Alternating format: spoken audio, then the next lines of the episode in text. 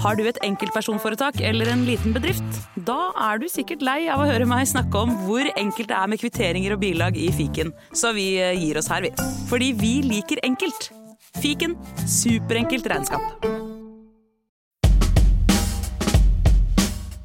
I vår serie 'Skyldig til det motsatte er bevist' forteller vi historien om Audun Garthe, som ble dømt i norgeshistoriens største mafiarettssak, den såkalte Sult-saken. Audun hevder at politiet benyttet seg av ulovlige metoder og informanter for å lure ham inn i saken, og i del seks av denne serien inviterte vi tidligere politispaner Jonny Brenna for å snakke om hans arbeid med informanter. Dette er vår komplette ufiltrerte samtale med Brenna. Ja, velkommen eh, tilbake til oss, må jeg vel nesten si, eh, Jonny Brenna. Vi har jo gjort opptak med deg eh, tidligere, hvor du fortalte en del kule historier fra politikarrieren din. Men for de som ikke har hørt det, så er det kanskje greit at du bare introduserer deg selv kjapt. Kjapt, ja. Det er I forhold til politiet, så, så begynte jeg i ja, midten av 80-tallet og endte mine dager i politiet i 2006, altså rundt 20 år. Og det jeg jobba med, var jo ordenstjeneste og, i fem år. Og etter det for det meste innenfor uh, spesialavdelinger som drev med organisert kriminalitet, eller iallfall spesielle tjenester. Og der var jeg jo da kildefører, blant annet, eller en sånn informantbehandler som da drev og håndterte eh, kriminelle aktører som, som, kom med informasjon til politiet. Ja, men jeg har hørt deg si flere ganger at du syns at eh, kriminaliteten i Norge har blitt så kjedelig. Hva mener du med det?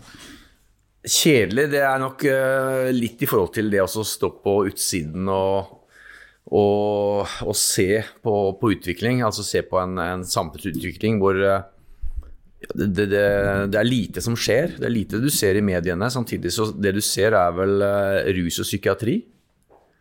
Uh, et slags forslumming av et kriminalitetsbilde sett i, på bakgrunn av det som var på spesielt på 90-tallet og litt inn i 2000-tallet, hvor det var andre aktører som var mye mer potente i forhold til spesielt aksjonskriminalitet. Det å kunne utøve ja, spektakulære uh, hendelser og store saker, det ser man jo ikke lenger. Så, så det, det, det dreier seg om, når man leser eller hører noe om kriminalitet i dag, så er det narkotika. Uh, selvfølgelig smugling av narkotika, og så er det jo mye av det som skjer på gata, er rus og psykiatri. Mm. Så det er liksom ikke de store, spektakulære lovbruddene lenger, som vi så den gangen? Nei, de, de, er borte, og det er klart at det er mange årsaker til det. Det er jo, Én ting er nok at uh, det er mye vanskeligere i dag. Det er jo et sikkerhetskultur i dag som er helt annerledes enn for 20 år tilbake. Det, det å stjele en bil i dag er jo vanskelig. Det var ikke noe problem for noen år tilbake. Uh, så bare der er, jo, er det jo terskelen mye større. Samtidig så er det slik at for å bli god på aksjonskriminalitet, så bør du jo få trent deg litt opp. Det blir jo vanskelig med den sikkerhetskulturen. Samtidig så er jo de miljøene borte de eh, som var ressurskriminelle, sånn som jeg ser det, eh, de håndterte jo gatekriminalitet før. De ressurskriminelle i dag sitter nok med på et nett og sitter og styrer fra en PC. Og det som er uh, ute på gaten, er egentlig lavmål, for å si det sånn. Sett på bakgrunn av den uh, samfunnsutviklingen som, som, har vært. da. Det er liksom nesten litt fælt å si det, Helge, men jeg, jeg føler at på et eller annet vis er det litt sånn trist også. For oss som har jobbet med, med sånn type i så mange år eh, på forskjellige ståsted, så er det litt sånn trist at det ikke skjer noe. Ja, altså skjer for lite. Jonny sier jo her at alt var så mye bedre før. Mm. Eh, jeg får litt sånn inntrykk av at eh, skurkene var mer sofistikerte tidligere. Du snakker om uh, slum? Nei, hva sa du? Det jeg sier, er at det vi ser i dag i forhold til for noen år tilbake, er et forslumma kriminalitetsbilde. Og, og, og, og, det er jo noe som er en, en utvikling som, som, er overalt i, i i hvert fall en utviklede verden, da. At uh, det er et høyere sikkerhetskultur, uh, det er uh, mer rus, det er mer psykiatri. som igjen fører til eh, kriminelle hendelser, stygge saker. Det er mindre spektakulære vinningssaker. Eh, og de eh, kriminelle som da hadde ressurser til det, de bruker ressursene sine nok på andre fronter enn å være ute på gata i dag. Mm. Men politiet har jo fremdeles behov for uh, øyne og ører inn i de kriminelle miljøene. Og det var jo din spesialitet, med å jobbe opp imot de kriminelle. Uh, som at de rett og slett var informanter og kom med informasjon til politiet. Ja, altså Du er helt avhengig av å vite hva som foregår. og det er klart at Én uh, ting er jo at du må jo være der det skjer. og På den tiden så, så var det jo ute på ute i det offentlige rom. Det, det, det, skjedde. Det var der, og det var der vi måtte være.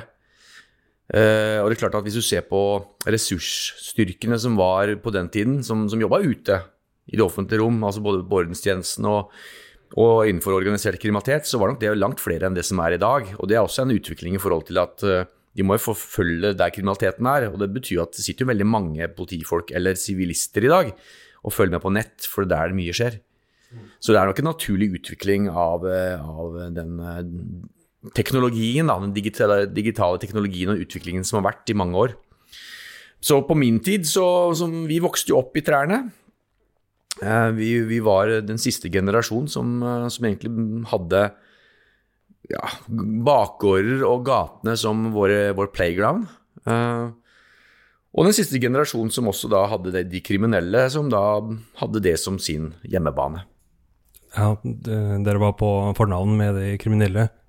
Har ja. man liksom gått litt borti fra det?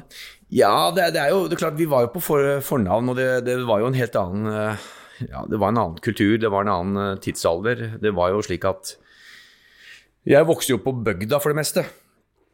Eh, og nå er du på bygda, så, så, kjørte du jo bil før du var godt, og før du var godt tidligere, før du var 18 år. og Du kunne kjøre traktor, og du hadde smakt hjemmebrent, og du var mer av en praktisk, eh, praktisk karakter. Og ser vi i politikultur og de politikullene som var på slutten av 80-tallet og innen på 90-tallet, før, før, POS særlig, kanskje, så, så var nok det mye landsens folk som, som var praktikere. Eh, og dette var jo før var, politiet var en akademia, da. Så klart at bare der har det skjedd mye, at man har fått en helt annen gruppe mennesker inn enn, en, fra en fagutdannelse til en akademisk utdannelse. Da får du inn andre personer, samtidig som hele samfunnet har jo utvikla seg i samme retning.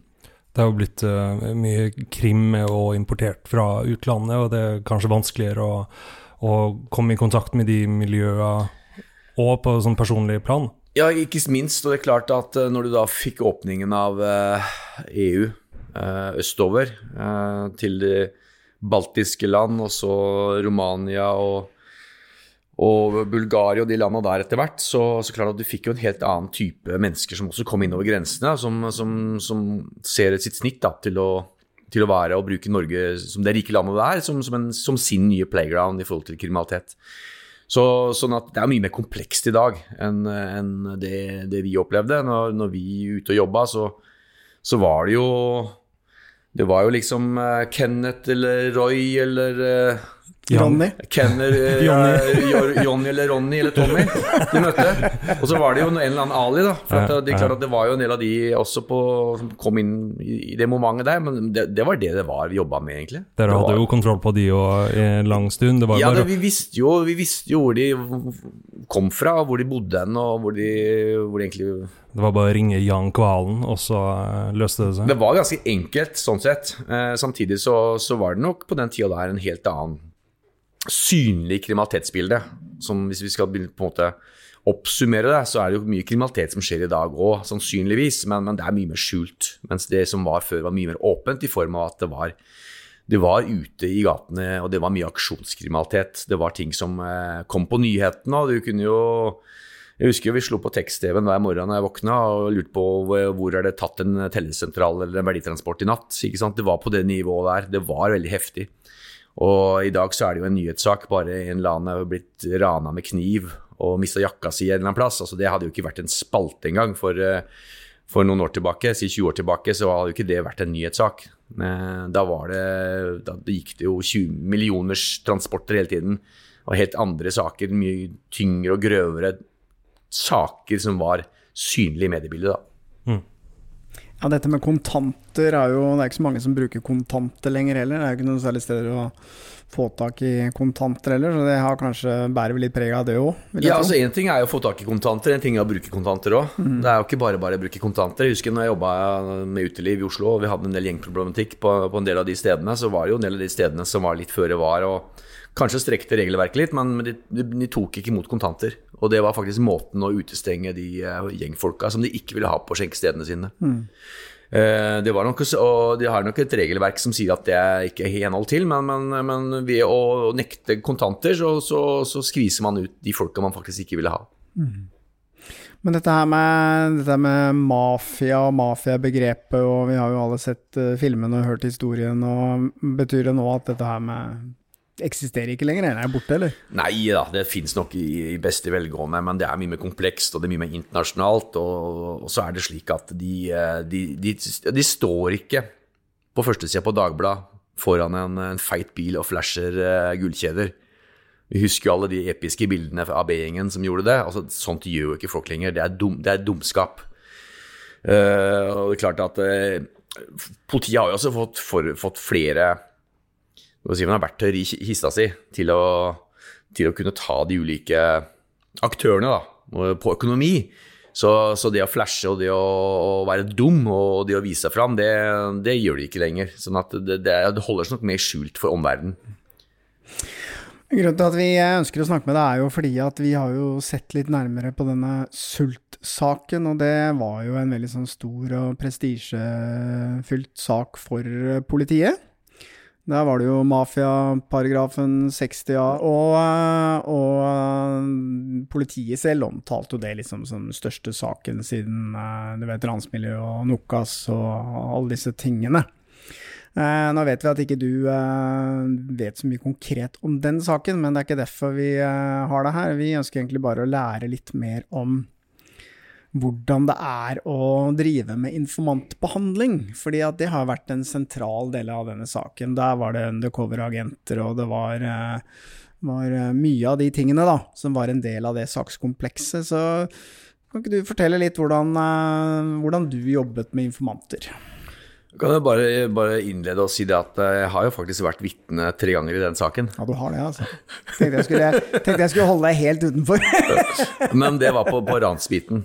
Okay. Det var det som skjedde på, på Gardermoen. Og det er klart at uh, hvis uh, den kunnskapen jeg har til den saken der, det er utelukkende den biten, som dreier seg om uh, Metkel Betev Negassi, som uh, jf. politiet uh, planla å ta en fly, et verdifly, med, med mye euro, i, som skulle komme til Gardermoen.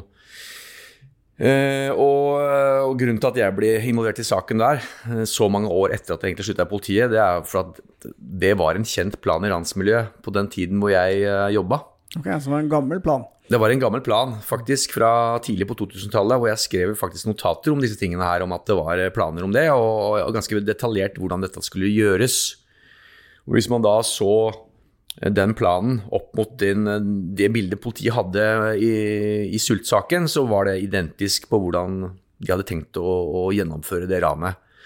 Derfor så ble jeg involvert i den saken der, og til og med også skrevet bok. 'Operasjon Phoenix' er jo en, en bok som er skrevet på bakgrunn av den planen. Okay. Eh, og det er klart at eh, jeg var, gikk, var jo til og med retten og viste frem boka. Du markedsførte boka i retten. og, da, da, og, til og med TV 2 kom jo på banen da, og da ble det jo selvfølgelig veldig god markedsføring av den boka der. Men, men, det, men jeg var faktisk i den, vært i retten der to ganger, faktisk tre ganger. Uh, for den er ikke avslutta ennå, den ransbiten. Ok, den er ikke avslutta Nei, ikke helt avslutta ennå, nei. Så sist gang jeg var i retten på den, det var, eh, det var i 2020. Ja, for at i ja. Eh, tingretten så ble vel uh, han som jobba på Gardermoen frikjent, ble han ikke det?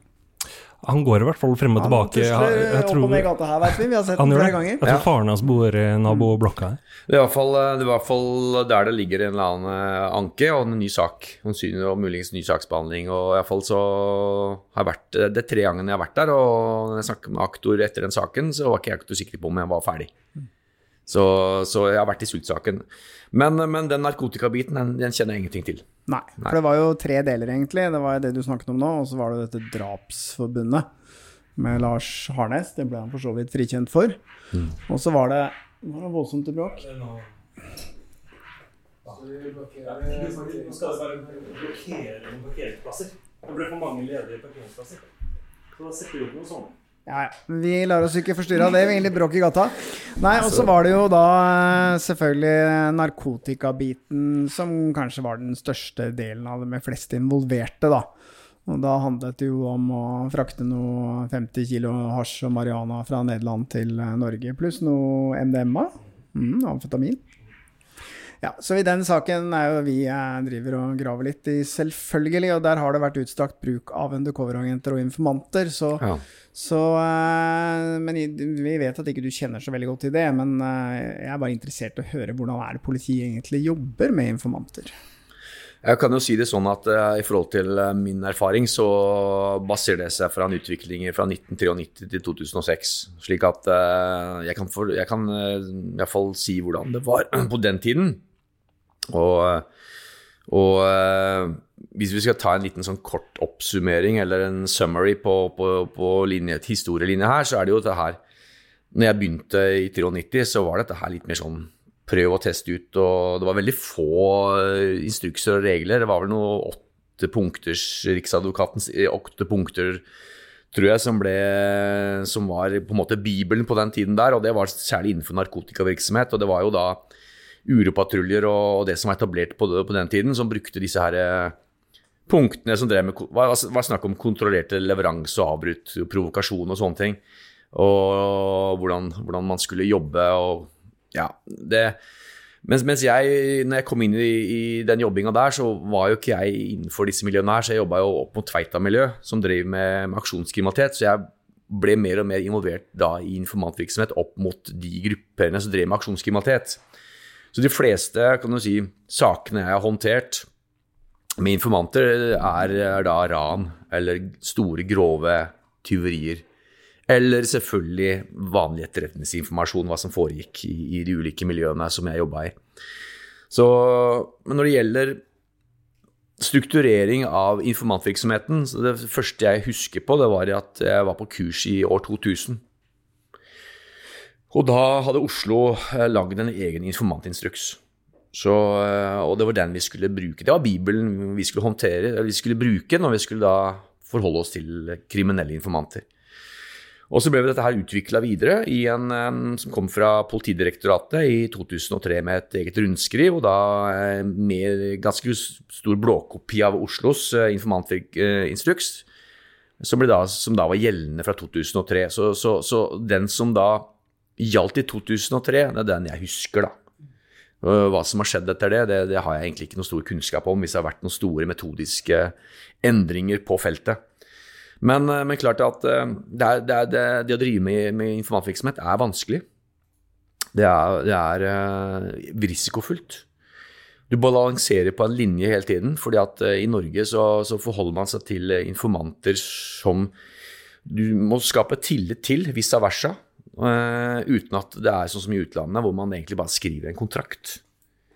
I utlandet, så i store land, så er det jo, er det jo et, et forretningsforhold mellom en informant og politiet, mm, som er kontraktsfesta. Mens eh, iallfall det jeg erfarte, var at vi måtte bygge mer tillit. Vi måtte få tillit av informantene, og informantene måtte ha tillit til oss, selvfølgelig. Eh, og det var en, en litt sånn lengre vei inn, da, og jobbing for å få de gode informantene. Og, og, og det er jo Det er jo utfordrende, det òg, for den du skaper tillit til, eh, kan jo i, i verste forhold bli den verste fiende. Du kan jo snu på, på femøringen og, og blir din verste fiende. Så derfor så er det viktig at du både har noen eh, guidelines og regler å forholde deg til for hvordan du ikke skal forholde deg til informanter. F.eks. at du ikke skal ha sosial kontakt på fritida, at du ikke skal dra med seg folk hjem, ikke bli venn med en. Du må ha en, en, en klar, utstrakt avstand til informantene. Og når du skal møte informanten, så skal det f.eks. helst være to stykker. Og er du ikke to, så, så, så ja, du kan møte den alene, men det må helst klareres med en overordna, og helst skal du ta opp samtalen. ikke sant, Sånne ting. Og, og her snakker vi da om notoritet, dvs. Si at du sørger for at du kan vise til hva du egentlig har gjort. Hva, hva er det som er sagt, hva som er gjort? Når, når møtte du informanten? Hvor møtte du informanten? Var du alene? Hvem var du sammen med? Hva ble sagt? Hva ble gjort under, eh, under informantmøtet? Når, var, når, når, ble møtet avslutta? Og dette skal du da notatsføre eller skrive i en eller annen logg så fort det er ferdig, så fort som mulig når du er ferdig med, med møtet. Og det er da notoriteten, at du kan på en måte se tilbake på hva, hva du gjorde, også for en sik sikkerhet for deg sjøl, men også for informanten i forhold til hvis det skulle komme noen eh, påstander, da for det må du også regne med når du jobber med informanter, at det, det, det florerer plutselig påstander om hva du har holdt på med, hva slags type du er, og, og rykter. ikke sant? Så at du må sørge for å ha ryggen fri. Det er en av de store jobbene du har som uh, informantbehandler. Ut fra din erfaring, da, hva fremsto for deg som eh, den største motivasjonen for en kriminell til å, å være informant? Det er mange uh, intensiver for å bli en informant. Uh, på, kan, altså det er vanskelig å gradere det, men sånn som jeg opplevde det, så, så, måtte jeg bruke lang tid på å skape tillit med informanter. Og så var det slik at du skapte på en måte en eller annen form for uh, Ja, han er en kul fyr. Han kan jeg snakke med. Og så, er det jo slik at etter hvert som du har jobba med informanter eller med informanten over tid, som en person, og så begynner du å gi litt og litt og litt, så har du skapt tillit. Og det er klart at uh, da, da, da, er jo kanskje du den eneste utafor kjeltringreiret han kan snakke med. Uh, og du blir på en måte en, en, en part som, som kan, han kan lufte seg for, da, utenfor reiret. Uh, og jeg opplevde jo veldig mange som, som ringte meg når de hadde problemer med kjerringa. Ja. For det var jo ikke bare snakk om at var, vi snakker bare om uh, nå har den gjort det, den gjort det, den gjort det. Man skaper relasjon og tillit. Og, det, og du fikk eh, godt nyttårhilsen, og det fikk telefoner på det, og man hadde skapt en av tillit. Så selvfølgelig så må du se det fra informantens ståsted, så er det jo slik at eh, mange hadde et, et fortellerbehov. Og det så jeg jo også når jeg var, begynte i media. Jeg begynte jo i TV 2. Så så jeg det at jøss, jeg ser jo de samme folka som, som snakker med media, som snakker med politi. Er, og, det, og, det, og, da kan du begynne å se på at ja, det er jo ikke bare at de skal ha en vinningshensikt, men det er, det er en eller annen sosialt fortellerbehov. De, må, de har, de har okay, behov for å kunne vinning. si dette her til noen, eller snakke ja. med noen. For eh, det, det, det, de fleste tenker, at eh, de har noe å vinne på det. Om det er å, å slippe litt billig unna selv, eller om de skal ha en konkurrent uh, ut av ja. veien, eller noe sånt. Altså, det er liksom det man tenker aller først, da. Ja, men samtidig, sånn, sånn som når jeg, de jeg jobba med, så var det lite konkurrenter. Det var, jeg drev ikke på jobba mot på markedsområder innenfor narkotika f.eks. Men, men der har du et poeng at selvfølgelig er det, er det et poeng at uh, det kan være et motiv at du ønsker å snakke på den som, uh, som du konkurrerer med. Det, det, være, det, er, det, er, helt klart et motiv for, for noen. Og så er det jo det at når de kommer i kniper, når de kommer i ulike situasjoner, når de selv er svake, Eh, da kan det være lett for at de har lyst til å prate litt ekstra, og gjerne når de sitter i varetekt. Så Og det var jo, det var jo den derre da, og da banke på døra da, for å tilby en kopp kaffe og en prat, det, det kunne være virkemidler. ikke sant? Og kunne prate seg ut av en situasjon og, og, gi ting under bordet for å på en måte kunne selvfølgelig slippe billigere sjøl. Det, det, er helt klart også en, et motiv. Eller f.eks. på den tiden han hadde ikke førerkort. Mm. Hadde blitt beslaglagt førerkort. Det var jo også veldig oppe i dagen i de miljøene jeg jobba, som var veldig sånn bilorienterte. Det var å kunne ha et førerkort og kunne kjøre uten å bli stoppa av politiet hele tida fordi at du hadde ikke førerkort. Og det, det, var sånne småting som vi kunne hjelpe til med, da. Ja. På den tiden gikk det en jurist, og så kunne vi la vedkommende få førerkortet kanskje tre uker før en egentlig hadde fått det likevel. Men bare de små tingene der var, var, var intensiver som gjorde at du ble good, guys, good guy, og du fikk spille på disse tangentene som var litt viktige for dem, som igjen gjorde at de, de syntes du var kul og ja, fortsatte å ha kontakt. Og gjennom kontakten så ga de informasjon. Mm. Kanskje ubevisst også. Ja. Jeg kunne sitte, ja. dette, er, dette, er, som en journalist. Du sitter og snakker med en person i, i en time, men det er ett, kanskje 15 sekunder det er noe du har lyst til å høre om, og du hørte det. Mm. Så det er, det er, sånn det, det virker. Det med førerkort, eh, du snakker nå litt som om det var noe dere gjorde på 90-tallet, men eh, vet du om det er praksis som er fremdeles? Altså, mitt inntrykk, da, eh, sånn generelt sett, uten å kunne si at det er en, eh, ikke en praksis, det er at det er nok mye verre å, gjøre disse tingene i dag. Ja. Jeg tror at det er mye mer en, en større eh, sak å få til noe i dag. Det må, alt må klareres i mye større grad enn, en, det ble gjort på 90-tallet. Hvor man iallfall til en viss grad kunne gjøre en del ting selv, da, uten at du måtte klarere alt mulig mellom, himmel og jord. Man var nok litt mer pragmatisk og turte å ta sjansene på den tiden der. Eh, Det er nok mye mer styrt i dag for å slippe å få uheldige saker. Og så blir man jo sett i korta selvfølgelig mye mer i dag også, på alle mulige måter, egentlig. Men hvis vi skal se litt på dette her med provokasjon, Ja. for det er jo ofte et eh, begrep som blir brukt, eh, og særlig advokater hevder jo at det er ulovlig provokasjon osv. osv. Mm. Kan du si litt om det, hvor grensen går, hva har man lov til å gjøre og ikke lov til å gjøre som politimann? Ja, det er jo ikke altså, Sånn klassisk provokasjon, da snakker vi eh, da, for eksempel narkotika, da. Det kan være at jeg har en kilde, ikke sant. Og så sier kilden til meg at du, han, jeg, har, jeg kjenner han Tommy borti hjørnet her, han, eh, han sitter på en del amfetamin. Og han selger. Og han har, eh, han har, han har spurt meg om, om, om, jeg kjenner, om jeg kjenner noen som han kan selge til.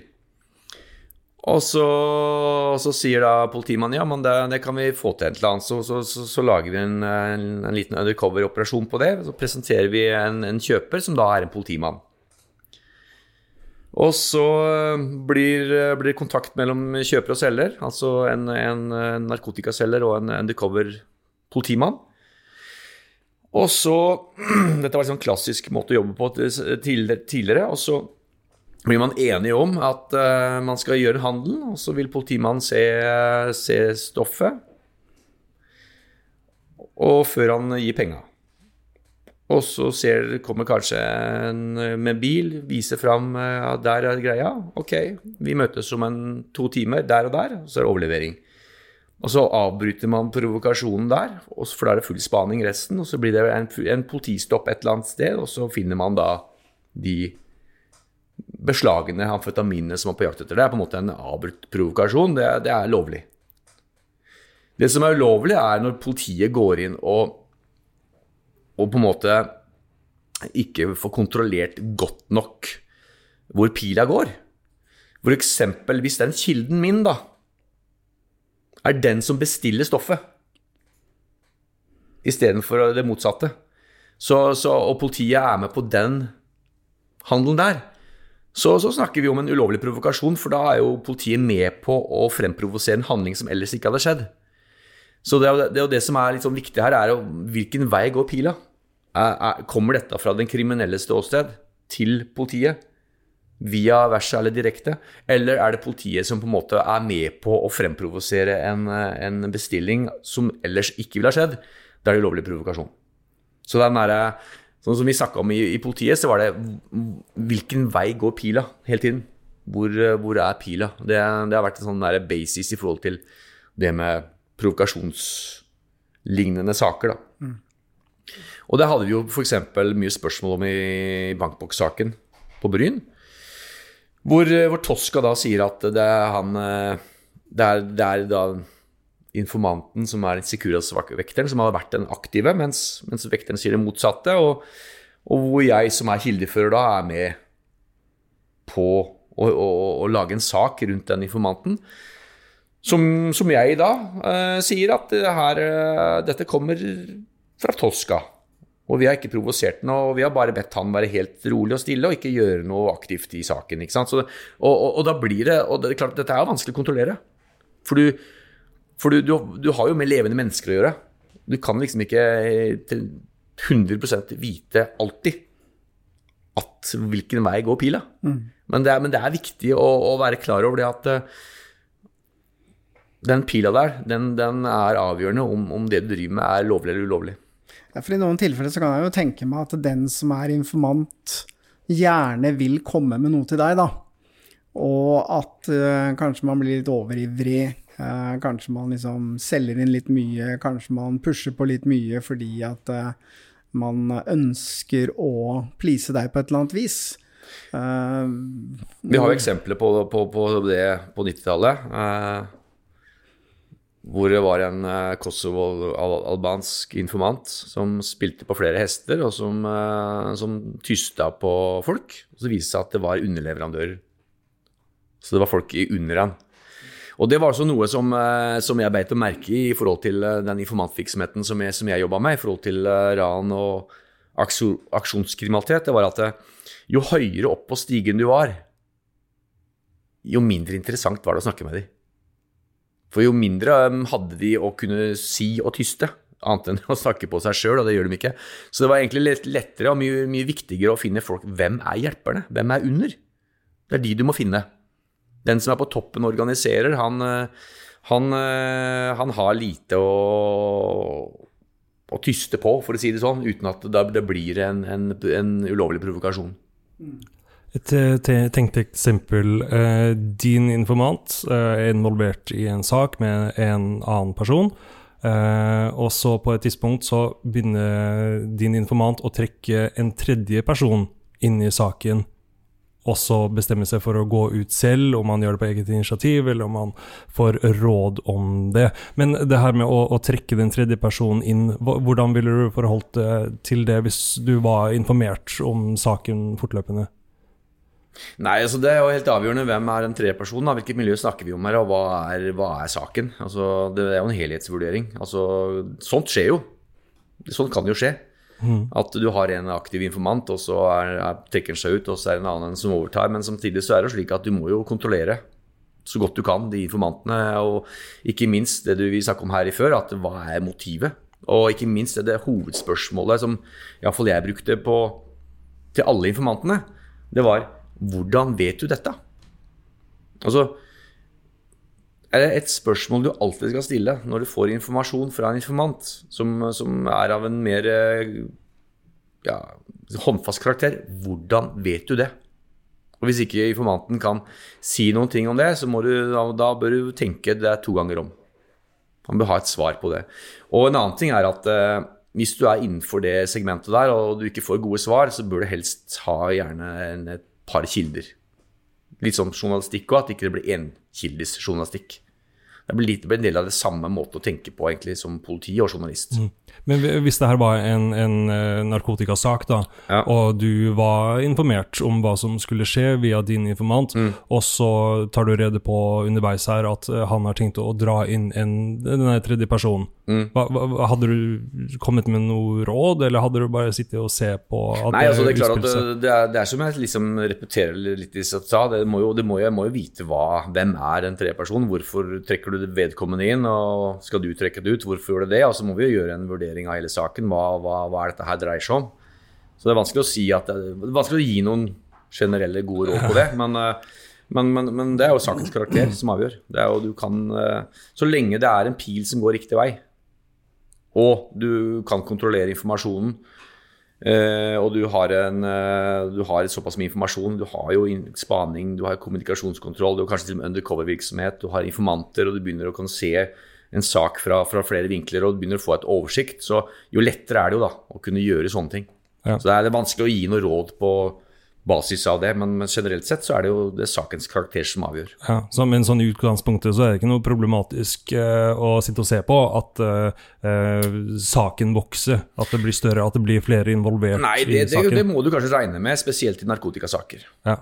ja tipper jeg, da. Nå må jeg bare gjenta at jeg var ikke den store på narkotikasaker sjøl. Jeg var på, på, aksjonskriminalitet, så jeg på en måte har min erfaring mest derfra.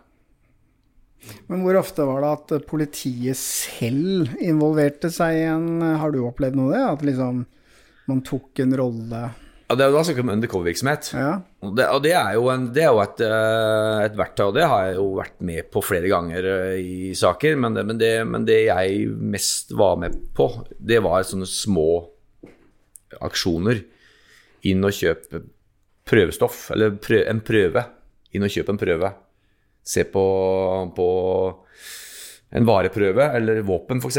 inn og kjøpe et våpen. altså Sånne småaksjoner. sånne små undercover Eller, eller avbrutt provokasjon, hvor du da presenterer en politimann som da blir kjøper for et parti.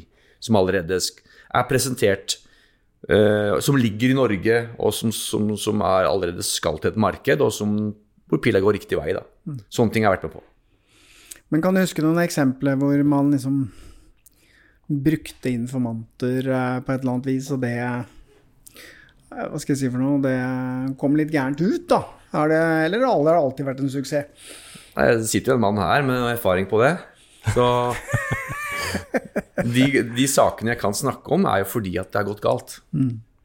Og, og det er jo Når jeg sitter her nå, så er det vel tre saker som slår meg ganske fort. Og det, det er jo Det er jo bankboksaken på Bryn. Hvor, eh, hvor informanten i utgangspunktet blir, eh, blir et vitne fordi at eh, det operative går galt. Skal ikke legge noe skyld, skyldfordeling der, men jeg føler ikke at jeg kunne gjort så veldig mye annerledes i forhold til min rolle. Og da ble jo også medisinaldepotet avdekt, for det er jo, er jo, er samme informant og samme miljø. Det var to saker der. Og så er det jo selvfølgelig da den store er jo Skrik i 2004, hvor jeg satt med, med hovedinformanten, som også viste seg å ha en rolle, medvirkende rolle, i form av at han serverte ransbilen inn til miljøet. Og hvor man hadde veldig lite informasjon eh, å kunne bruke retten, og så ble det jo da besluttet at, eh, at, eh, at jeg måtte skrive rapport på, på forholdene. Også, også hva jeg hadde gjort i forhold til det med informantvirksomhet. Og da kommer vi tilbake til notoritet, da. Hvor viktig det er. Så, så, så, så ting kan gå galt, helt klart. Har du noe kjennskap til uh, Arendals uh, politiets måte å uh, drive informa informantvirksomhet?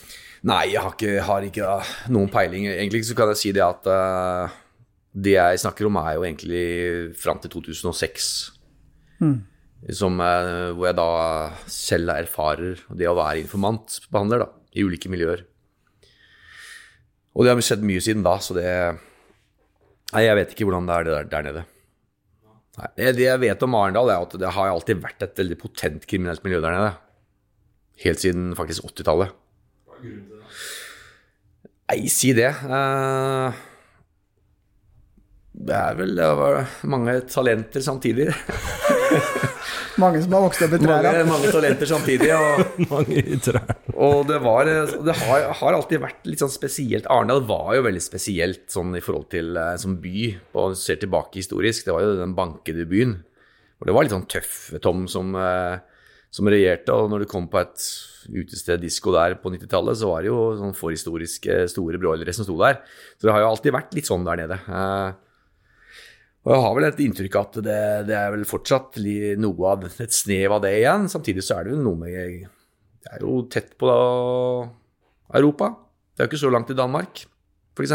Men eh, jeg har inntrykk av at Arendal har alltid vært litt sånn tøffere f.eks. enn Kristiansand, da. På en del uh, områder, så det er vanskelig å komme med en, eh, en eh, god vurdering av årsaken.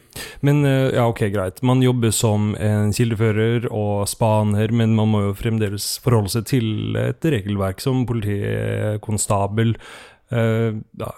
Hva tenker du om hvis vi har hørt at i Arendal altså er det to politimenn som nærmest kan gjøre som de vil? Jeg, eh, ut fra, da, ut fra dagens uh, bilde, da, så, så, fø- så tenker jeg at det er, lar seg ikke gjøre i dag, altså.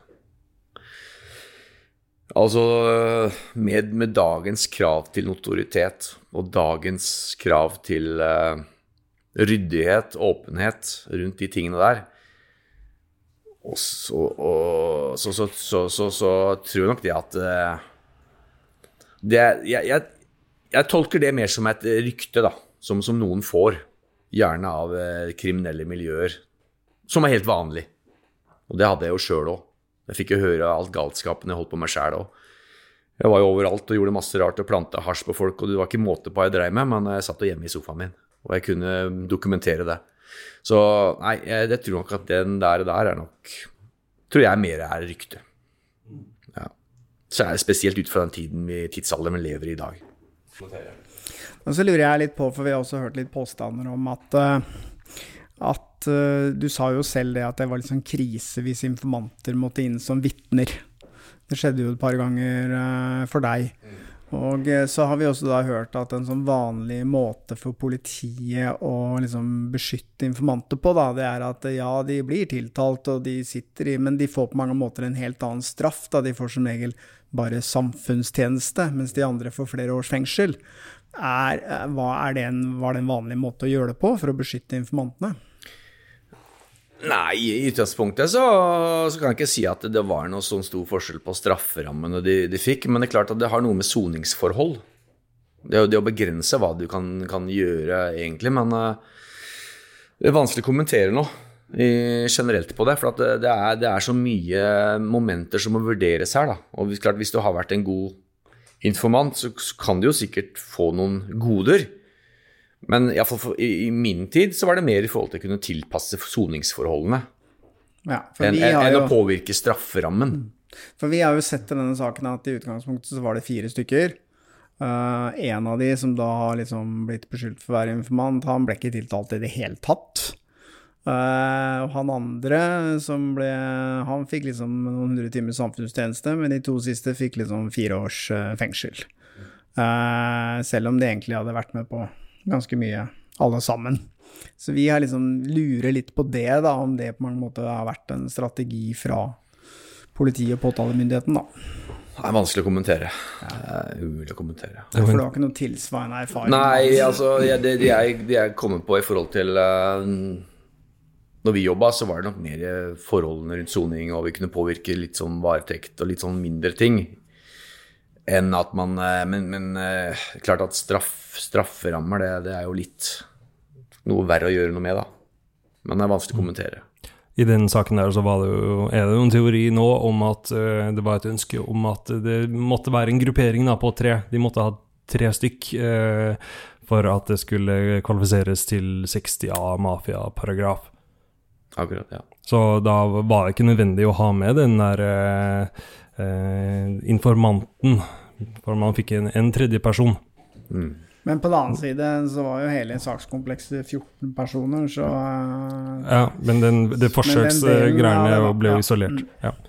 Hva, hva, ser du etter i en person? Hvem er det som egner seg best til å være informant? Ja, nå er det nok en gang min erfaring i forhold til det. Og det er klart at jeg ønska jo ikke å ha rusmisbrukere.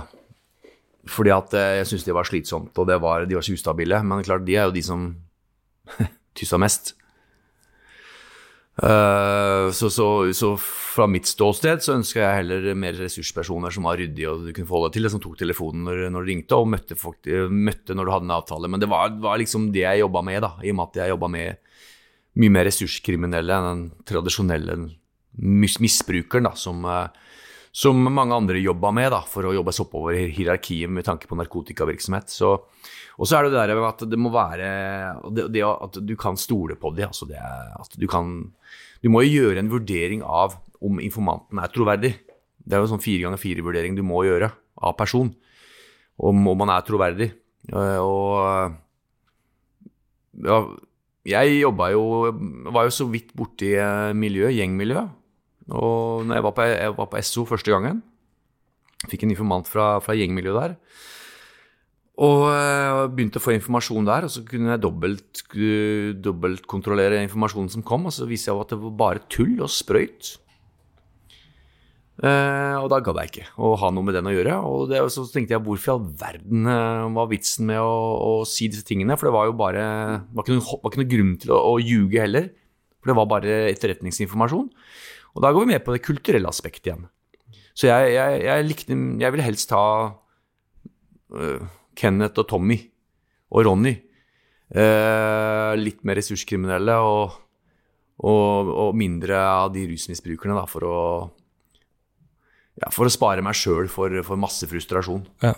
Og det syns jeg var mest interessant. Jeg synes, ville heller jobbe med de i et halvt år for å få informasjon, enn at du skulle få en rusmisbruker som begynte å bli dårlig, og som, og som plutselig da måtte begynne å tyste. Ja. Eh, hvor intrikat setup uh, uh, kan man liksom dra en informant inn i for I den saken her så er det jo snakk om uh, en som blir beskyldt for å være uh, informant. Uh, blir kobla på veldig seint i operasjonen og blir sendt ut på en, en transportetappe nedover i eh, Europa, Danmark og Tyskland, eh, som eh, det kommer noen eh, teorier om at ikke var reell. At det var en cover-up fra politiets side, og at den personen samarbeider med politiet. Og hadde løpende kommunikasjon med politiet hele veien. Eh, En person som tidvis var rusavhengig. Det, det var veldig, vanskelig uten å være helt eh, tydelig og konkret her, da. Eh, Nei, men, men, men altså, min erfaring jeg har, så jeg har ikke vært borti sånne saker, men det er klart at jo mer rus, jo mindre lysten har jeg har hatt til å bruke den som informant, og i hvert fall i operasjoner. Mm. Jo mer avhengig av det er, det er rus. Men vil du få en informant til å, å lyve til de andre involverte, Uh, uh, og komme med dekkhistorier? Nei, altså en informant må jo, må jo dekke seg sjøl. Men uh, i forhold til dekkhistorier, da snakker vi mer om undercover-virksomhet fra politiets side, tenker jeg da. At du sender inn politifolk. Ja, for det er ikke realistisk å sende ut en rusmisbruker, eh, involvere han i en kjempestor operasjon med manipulering av GPS-er og telefondata og alt. Altså, det begynner å bli ganske mange involvert i en sånn operasjon. Altså, du, jeg, så personlig så ville jeg aldri ha sendt inn en sånn en i en stor operasjon, da. Uh, som er så befengt med rus og er ustabil og sånne ting. Så det, men, det, men det er jo min generelle kunnskap rundt informantbehandling at det, det, det er for stor risiko. Både for saken og ikke minst for personen selv. Han må, må beskyttes mot seg sjøl òg. Åpent spørsmål. Ja, skikkelig åpent spørsmål.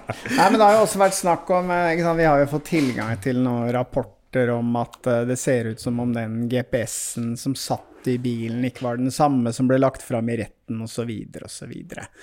Men eh, så, så er liksom én teori at politiet kan ha bytta ut den opprinnelige GPS-en med en litt annen versjon med flåtestyring, sånn at de hele tiden kunne holde øye med hvor bilen var hen, da. Eh, hvor realistisk tenker du det er at politiet bryter seg inn, eh, plasserer inn en ny type GPS som ser nesten helt lik ut, bytter tilbake igjen og, og, og så videre etterpå? Eh, tenker du at det er realistisk, at politiet gjør noe sånt? Nei, det høres litt spesielt ut. Det er vanskelig å kommentere, egentlig. Vi har fått beskrivelse av et politi som nærmest er, eh, har fullmakter og muligheter til å gjøre de mest utroligste ting. Eh, og få ut eh, teledata som er manipulert, og bankutskrifter, GPS, eh, navigasjonssystem som de kan styre akkurat som de vil. Er det ting som norsk politi gjør? Nei, altså Beskrivelsene du kom med her, så for meg høres det litt eh, ganske overdrevet ut hva, hva de kan gjøre, i, i, og spesielt nå i, eh, med den autoriteten og den kravet de har til å følge alt av instrukser og lover og regler. og når du driver med, med, med, med organisert kriminalitet av store operasjoner, så, så er det jo som oftest profesjonelle folk som er involvert her. og det skal styres, og det skal eh, være i henhold til, så det høres litt sånn rimelig overdrevet ut. Sånn, Spør du meg, da. Men som sagt, jeg har ingen kunnskap om saken. Nei, men Det var jo eh, kjempefint at du kunne komme til oss, eh, Jonny, og lære oss litt mer om eh, informantbehandling. For i hvert fall vite hvordan det foregikk tidligere, da. Jeg vil tenke at det ikke har forandret seg sånn voldsomt siden du slutta i politiet. Nei da, det kan jo være at det er noen regler og instrukser som har endra seg litt, men eh, det er nok mye av det samme, ja. Nei, men igjen, tusen eh, hjertelig takk. Så uh, får du begynne å trene litt. Jeg ser at du begynner å bli litt sånn koronatjukk. Fikk du inn den siste følelsen?